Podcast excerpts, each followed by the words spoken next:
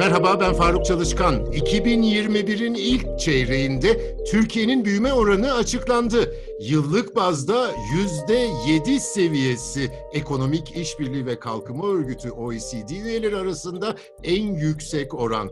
AA Finans Editör Yardımcısı Bekir Gürdamar katılıyor bu podcasta. Kendisine teşekkür ediyorum. Bekir Bey bu oran beklentilerin üzerinde. Neye bağlayabiliriz? Merhabalar Faruk Bey. Ee, sizin de dediğiniz gibi e, Anadolu Ajansı Finans Servisi'nin gerçekleştirdiği beklenti anketinde %6.4 seviyesindeydi büyüme, ilk çeyreğe ilişki büyüme beklentileri. E, açıklanan bugünkü verilerde %7 ile beklentilerin üzerinde bir e, performans gördük.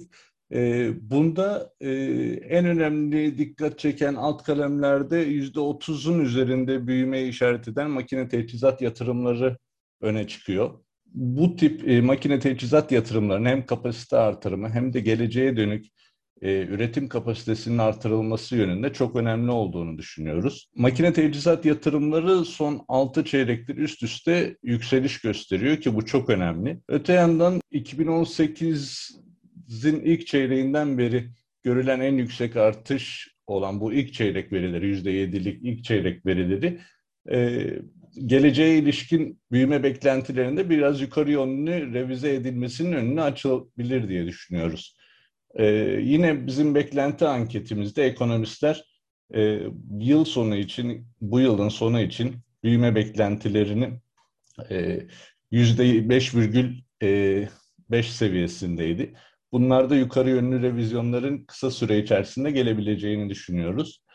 E, nitekim bugün açıklanan OECD'nin tahminlerinde de 2021 için yıl sonunda %5,7, 2022 için ise %3,4'lük bir büyüme beklentisini e, gördük.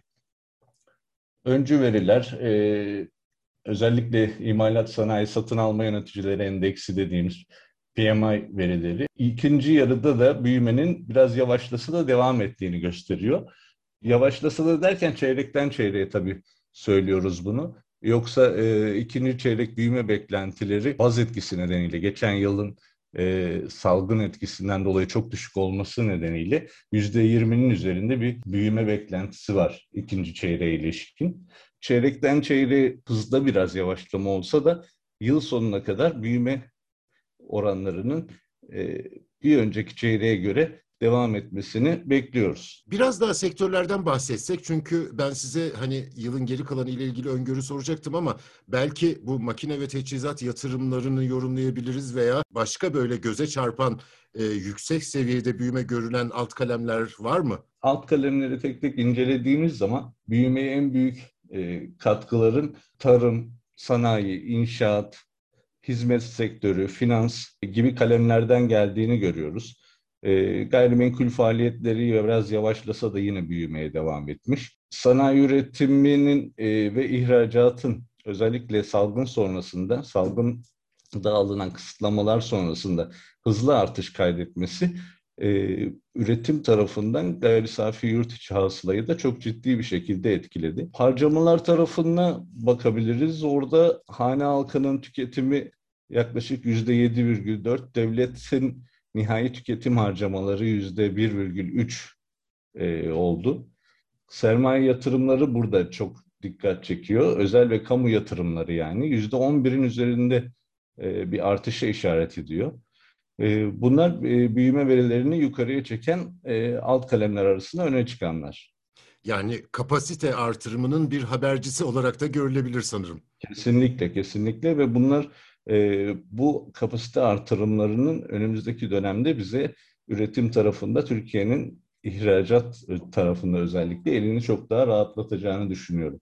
Çünkü e, kapasite kullanımı e, herkesin bildiği üzere yani e, ihracatta ne kadar e, yüksek artış siparişler gelirse gelsin kapasitenin üzerine çıktığında bundan faydalanmak pek mümkün değildi.